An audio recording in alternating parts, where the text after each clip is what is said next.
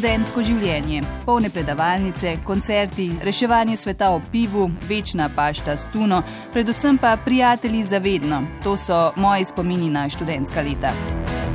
Pa tvoji špila? Ja, kar podobni. Zame je bilo obdobje študija čas najbolj intenzivnega druženja, spoznavanja novih ljudi, sklepanja prijateljstev, pa tudi čas študentskega dela in s tem osamosvajanja. A to so bili časi, ko še ni bilo protikoronskih omejitev, študija nadaljavo, prepovedi bivanja v študentskih domovih, prepovedi gibanja, druženja, no vse zadnje tudi javnega izražanja mnen.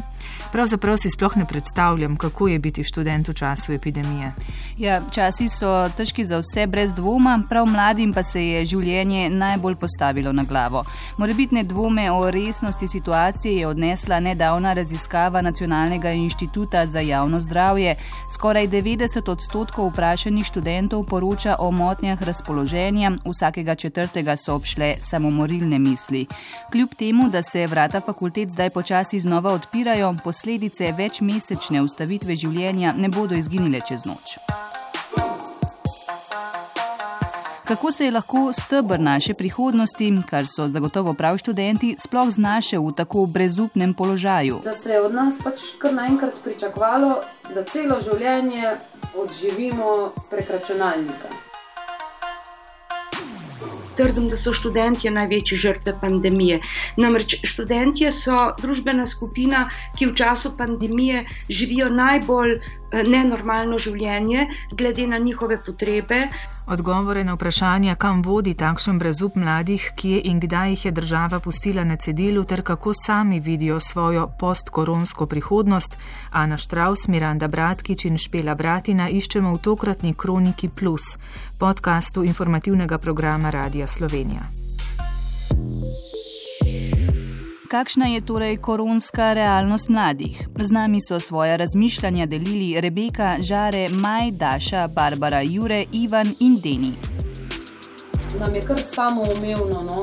sploh mladim, nam je bilo samoumevno, da se pač družimo je, imamo socialne stike, ampak kot to ne mislim zdaj samo, samo neko žuranje, neko pitje, ja. kot pač družba ja. nas videva. Ne? Ja, vsi vi mladi se pa itak samo uh, žurate in pijete in to je vaše druženje. Ne. Imaš socialne stike z nekaterimi, greš športati, z drugimi imaš mogoče nekaj študijskih obveznosti. Popiješ kavo, čaj, eh, že samo to nek stik v glavnem. Ne? Takrat smo bili res optimistični, ok, dva tedna pa mir, ne? Tako, tako. Pa se pa kar naenkrat stopnjevalo, plus 4, plus 2, ja. plus 100 in si izgubljen. Pa če jaz vsak za sebe povem, laž, da sem bil pa kar mes malo že malo anksioz, mislim, kar se Ja, ja, pač, ja, pač je, veš, in itak imaš, pač rasteš in padaš, in spet rasteš, pa padaš se je od nas pač kar naenkrat pričakovalo, da celo življenje odživimo prek računalnika. Kar se tiče faksa, našega druženja, trgovine, družba, kar nas gleda, aha, se vi ste pa itak vajeni tega, vi pa itak živite prek spleta, um, vam ne bo panike, meni osebno bolj pa še komunikacija v živo. Jaz pa lahko rečem tukaj čisto obratno eno stvar. Jaz v tej večji stiski sem preko Revita poiskal človeka iz Ohaja, ki sploh ne vem, kako se kliče, koliko je star, kaj dela, ali moška ali ženska. So se mu izpovedal, on se je meni in so se pogovarjali lahko pač dva, tri dni in nismo se pregovorili več besede. In si lahko tudi na tak način lahko izredno svoje stiske tudi posliš mm -hmm. z nekom, ki ga ne poznaš, ker ko ti nekomu svojo stisko poveš, ker ti je od, odvali se ti kamno cesta, tudi sam vidiš drugačne luči, kadar začneš tu govoriti, kadar začneš ubesedati svojo stisko se drugače počutiš do nje, lahko ugotoviš, da priješ do neke rešitve. Na srečo, jaz osebno nisem imela nekih večjih stisk, čeprav so bila obdobja, kjer sem padla niže, kot sem si kadarkoli mislila, da bi sploh lahko padla. Apatičnost, pomankanje motivacije, ampak je to spet neka njihovo razpoloženje. Ja. Jaz sem enkrat v šoli rekla, ne, da imam že eno leto menstruacijo. Tako ima nekaj spravi jog. Ampak tega prej ni bilo. Ne. ne. Prijateljica je poleg študija pač zmeraj imela še študentsko delo in je delala pač v kilnariji, ne v gostilni. In uh, že prvi valjo je pač ful zjebalo vse, ker so se zaprli v štarije. Ok, si je pomala pri prijateljih, da so jo pač posodili. Ne? In uh, potem vem, ko so se jih poleti oziroma jeseni dobile in se malo pogovarjala in je rekla, o, končno sem vse dolgove poravnala, pač kul cool, ne in uh, spet lahko delam. Potem čez dva tedna so spet se zaprli če nimaš ti nekaj našparano, kar marsikaj študent nima, ne? in je kar problem, ne? pač tudi če imaš štipendijo, imaš uno najemnino. Ja, dejansko pač je rekla, jaz sem šla kdaj že ob sedmih zvečer spat, tukaj sem bila fulačna in sem si mislila, bo želim spat, da mi ne bo krulilo tle in ne bom depresivna in šla ob sedmih zvečer spat. Socialna psihologinja dr. Mirjana Ulem, zaslužna profesorica na Ljubljanski univerzi, pravi, da stanje, v katerem so se znašli študenti, ne gre podcenjevati. Moramo se zavedati, da čas v življenjskem poteku ne teče linearno, ampak eh, nekako fazno. Ne? In mladosti je ena najbolj dinamičnih in najbolj formativnih faz, eh, ne samo v odraščanju, tudi v življenju. V tem obdobju se oblikuje samo podoba, kritično mišljenje, ustvarjalnost, poglavitne vrednostne in življenjske strategije, in vzpostavljajo se nova razmerja uh, intimna razmerja, delovna razmerja. Uh, zato pa mlad človek rabi odprt socialni prostor, ustvarjalne, socialne in čustvene vzpodbude, nove odgovornosti in preizkušnje, da se lahko izgradi. Predvsem pa se mora nekako najprej izviti iz tega zaščitniškega, včasih pa tudi toksičnega družinskega okolja, da lahko gre dalje proti odraslosti. No, zato uh, torej, ustavitev življenja za mlade pomeni predvsem ustavitev ustavitev vseh teh procesov. Zato pomeni to hudo stagnacijo, eh, včasih tudi regres, zamrznitev odraščanja. Eh, eh, in glede na to, da smo s tako lahkoto zapirali mlade, da nam je bilo predvsem do tega, da se vrti gospodarstvo, ne pa življenje mladih, se vidi, kaj so prioritete v tem, recimo, neoliberalnem kapitalizmu. Kako vi osebno opazujete vse to dogajanje, oziroma ali opazujete, kaj se dogaja? Ja, jaz predvsem opazujem pomankanje motivacije za ne samo za delo, tudi za življenje, neke vrste utopelost, apatijo, oziroma zmanjšanje aspiracij in omejitev na tiste nujne stvari, ki jih je treba um, opraviti, torej načrtovanje naslednjega izpita, naslednjega predavanja, in pa zožitev na to vsakdanje življenje v svojih otroških sobah. Številne mlade je koronska kriza po mesecih ali letih, ko so že bili na svojem, spet pripeljala domov. Jaz sam pri sebi sem videl, moj brat mi je isto rekel, ker je že toliko časa doma. Te navade, ki si v bistvu tudi sebe probo izboljšati, si probo biti nekako samostojen, pa vse kar nekaj ti priješ domov na enako, kot je bilo v srednji šoli, e, starši tam imajo še vedno za enakega otroka, kot si bil prej, nimajo te za odraslo osebo, ker za to rabijo počitati tudi oni sami čas. E, jaz sem videl, mene so kot odraslo osebo začeli sprejemati po štirih letih faksa. E, in ti, če priješ polje nazaj v neko ujčkanje, v neko, a, se bo res, se nimaš v dosti, ja, ti naredi samo uno, pa se ti ni treba tega, pa ti ni treba uha, ja, padeš nazaj v neke ozorce, ker si v popolnoma najverjetneje neproduktiven, nisi razmišljal tega, kaj boš delal v karieri, vedel si, da boš naredil tisto srednjo šolo, pa šel pol na faks, pa že pol nekaj razmišljal in vse in je izredno težko se izbiti ven iz teh. Ne? Mirjana Ule opozarja na dolgoročne posledice. Študentje so družbena skupina, ki v času pandemije živijo najbolj eh, nenormalno življenje, glede na njihove potrebe, glede na njihov položaj v življenjskem poteku, in so zato, čeprav se mogoče čudno sliši, ampak dolgoročno, torej njim se je zgodila največja škoda. Namreč študentje so postadolescenti, ki se morajo izviti iz izvorne družine in živeti alternativno študentsko življenje v svojih izbranih profesionalnih lokalnih skupnostih, da lahko zgradijo profesionalno in socialno identiteto in integriteto. Sveda, posledice za, za prihodnost so ravno zaradi tega položaja mladih, se mi zdi, najbolj usodne, lahko bolj usodne kot neke gospodarske spremembe in tako dalje. Ne? Namreč zamrznjenje mladosti pomeni tudi upočasnjenje prehoda v odraslost, pomeni lahko tudi odlašanje ali nezmožnost tega prehoda, torej ustrajanje v nekem umestnem času med mladostjo in odraslostjo, med zrelostjo na nekem področju, naprimer naprimer v karieri, in infantilnostjo na drugem področju, naprimer intimnem in čustvenem življenju, kjer predvsem ni prostora za načrtovanje takih ključnih stvari, kot je lastna družina, starševstvo. Spoznavanje novih ljudi, iskanje partnerja, vzdrževanje razmeri, spolnost, koronska kriza je že tako zapletenim življenjskim situacijam dodala nove izzive. Mi, da s punco provajo biti čim več skupaj, res so se res potrudili za to. Ne? So bila prvi karanteni, sem bil izpred njej, zdaj od oktobra naprej so bila v Ljubljani pa vse.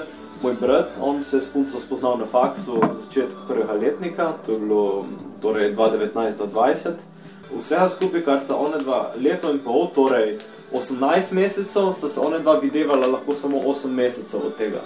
Je izredno težko, če ne druga za vzdržavati neki odnos, ne moreš biti res trden, pa se imeti res rad na nek način, da lahko prideš skozi to, ne. Ker se lahko pogledamo tudi, koliko, koliko ljudi je, ne vem, jaz od mojih poznanstv, parov, ki je šlo na razen zaradi korone. So neke taka obdobja, ki si lahko še odmerem dobiš življenjske partnere tudi. Ne? So ljudje od srednje šole naprej skupaj, so ljudje od faksa naprej skupaj. In to ful nekaj pomeni lahko. Mene je mogoče še bolj zmotilo um, spet ta komunikacija strani uh, oblasti, ne, um, kot je si enkrat objavil oziroma povedal, sej uh, hormone dejte na stran, uh, bo še časa za to. Ne. Sej jih to pravim. Ne. Si odrasla oseba, ki se zaveda pač neke teže epidemije, uh, in druga stran tvoje spolne življenje, ko v redu bo za dva, tri mesece bo malo trpelo.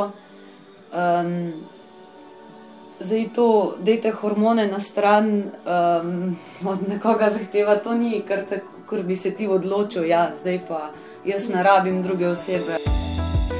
Tokratno študijsko leto s predavanji v živo ni potekalo niti en mesec. Predavalnice so bile na to zaprte pol leta. Tudi leto prej je študij prekinil prvi val epidemije. Naše sogovornike ob tem skrbijo tudi dolgoročne posledice tako dolgotrajnega izobraževanja nadaljavo. Glede na to, da lahko delodajalec vidi, um, kdaj si ti študiral, aha, vi ste pa ta korona generacija, torej si brez prakse, torej si dobil to diplomo uh, kar tak, ne, si vse izpite preplonkov.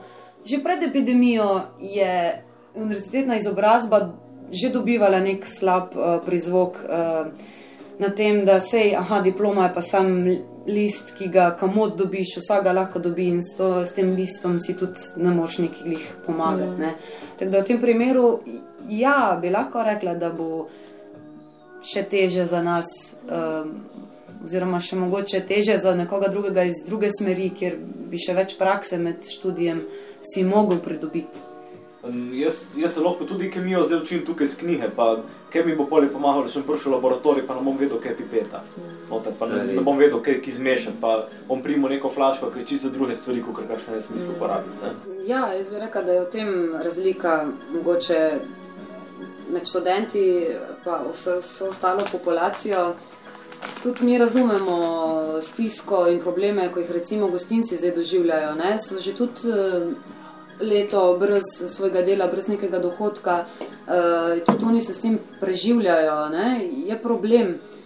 Je pa razlika v tem, recimo, ko se bodo gostilne odprle in tistim, ko je tudi dejansko uspelo še uh, ohraniti te gostilne. Ja oni bodo imeli goste, oni bodo naprej furali to. Zdaj, nek študent, ki je pa recimo ja, leto in pol, dve leti faksa, um, nekako zapravil na tem zoom predavanjih, brez nekega praktičnega dela, to praktično delo se ne bo nikjer eh, nadoknadilo. Seveda, ja. Bo nadoknadil na nek drug način. Jaz sem še vedno optimistična pri tem. Tudi mi, mladi, uh, kar eh, smo pri tem izgubili, še vedno mislim, da slejko prej se bomo že mogli znajti, če ne druga. Ne, um, ne vem, nek optimizem vseeno moramo obdržati.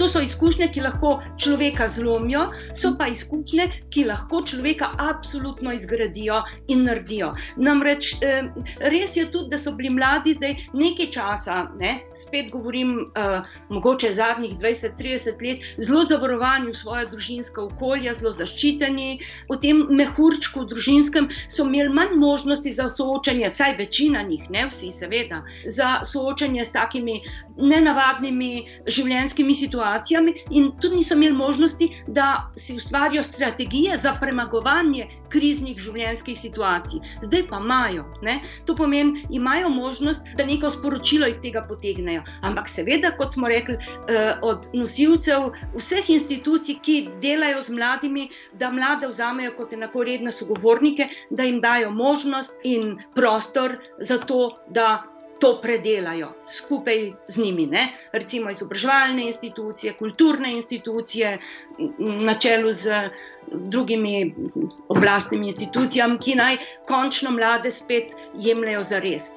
Tako Mirjana Ule, ki ob tem podarja, da mladi niso imeli sogovornika. Na mlade bi bilo treba začeti gledati kot na vitalno, pomembno eh, skupino eh, z najbolj aktualnim znanjem, vedenjem, alternativnimi pogledi na, na svet. In nisem nikjer nikoli zasledila, da bi mlade pozvali kot eh, sogovornike in kot načrtovalce nekih ukrepov.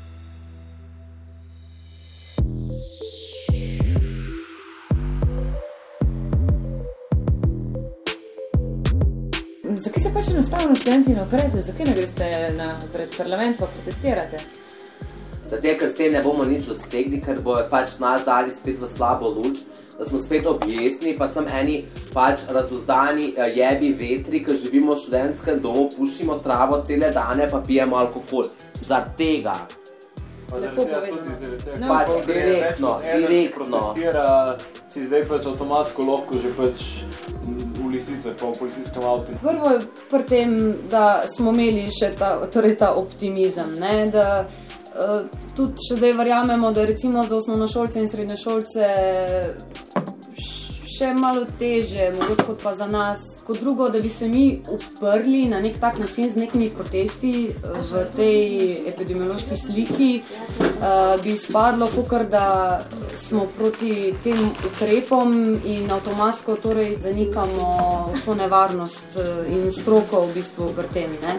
Ne vem, mogoče smo že malo prepozno zdaj študenti začeli na glas govoriti o naših problemih, ampak eh, vse pravim zaradi razlogov, eh, kakršni so bili že izrečeni prej. Eh, verjamemo, da so tudi drugi v še večjih stiskah oziroma v problemih, ampak še, to še ne pomeni, da mi nimamo teh problemov kakšne so težave mladih in kako jih rešiti, so s peticijo za takojšnje reševanje študentskih problematik pokazali v gibanju Študenti še obstajamo, ki na spletu hitro dobiva podpise. Na mladih svet stoji, pravi že oguljena fraza, in kot podarja Mirjana Ule, je skrajni čas, da jo začnemo jemati resno pravzaprav najbolj pomembnega bi lahko od mladih pridobili, oziroma kaj je tisto, kar mislim, da lahko samo mladi naredijo. Nek preokret v družbi. Ne? Namreč eh, že nekaj časa tudi ugotavljajo, raziskave ugotavljamo preko raziskav mladih, da se na nek način vzpostavlja neka nova generacija mladih. Ne? Eh, recimo, če je prejšnjo skeptično generacijo, ki je rasla v tej ne, družbi tveganj in negotovosti, ta nova generacija, nekateri jo imenujejo kar moralična generacija. Generacija, ki je občutljiva na nove etične vrednote prihodnosti, za katero so značilne bolj ekspresivne vrednote, kot je kvaliteta življenja, eh, ekološke vrednote, skupnost, solidarnost, druženje, prijateljstvo ne, in ne več toliko materialne vrednote. Skrat, Skratka, če bi tej generaciji prisluhnili, katere predstavnik je Greta in še mnogo raznih skupin po svetu, ne, in da bi skupaj z njimi gradili te vrednote, to je edino, kar lahko pomaga okrevanju tega sveta in neke vrste novi altruistični individualizem. Poskrbim za sebe, da lahko skrbim za druge. Delati na sebi z mislijo na druge, na skupnost. To bi bilo pravzaprav nekaj, kar je, kar se mi zdi, da se že čuti med mladimi in kar, to, kar bi lahko mladi nam dali za prihodnost. Po tokratno Kroniko Plus se podpisujemo Miranda Bratkič, Špela Bratina in Ana Štraus ter tonski mojster Vladimir Jovanovič.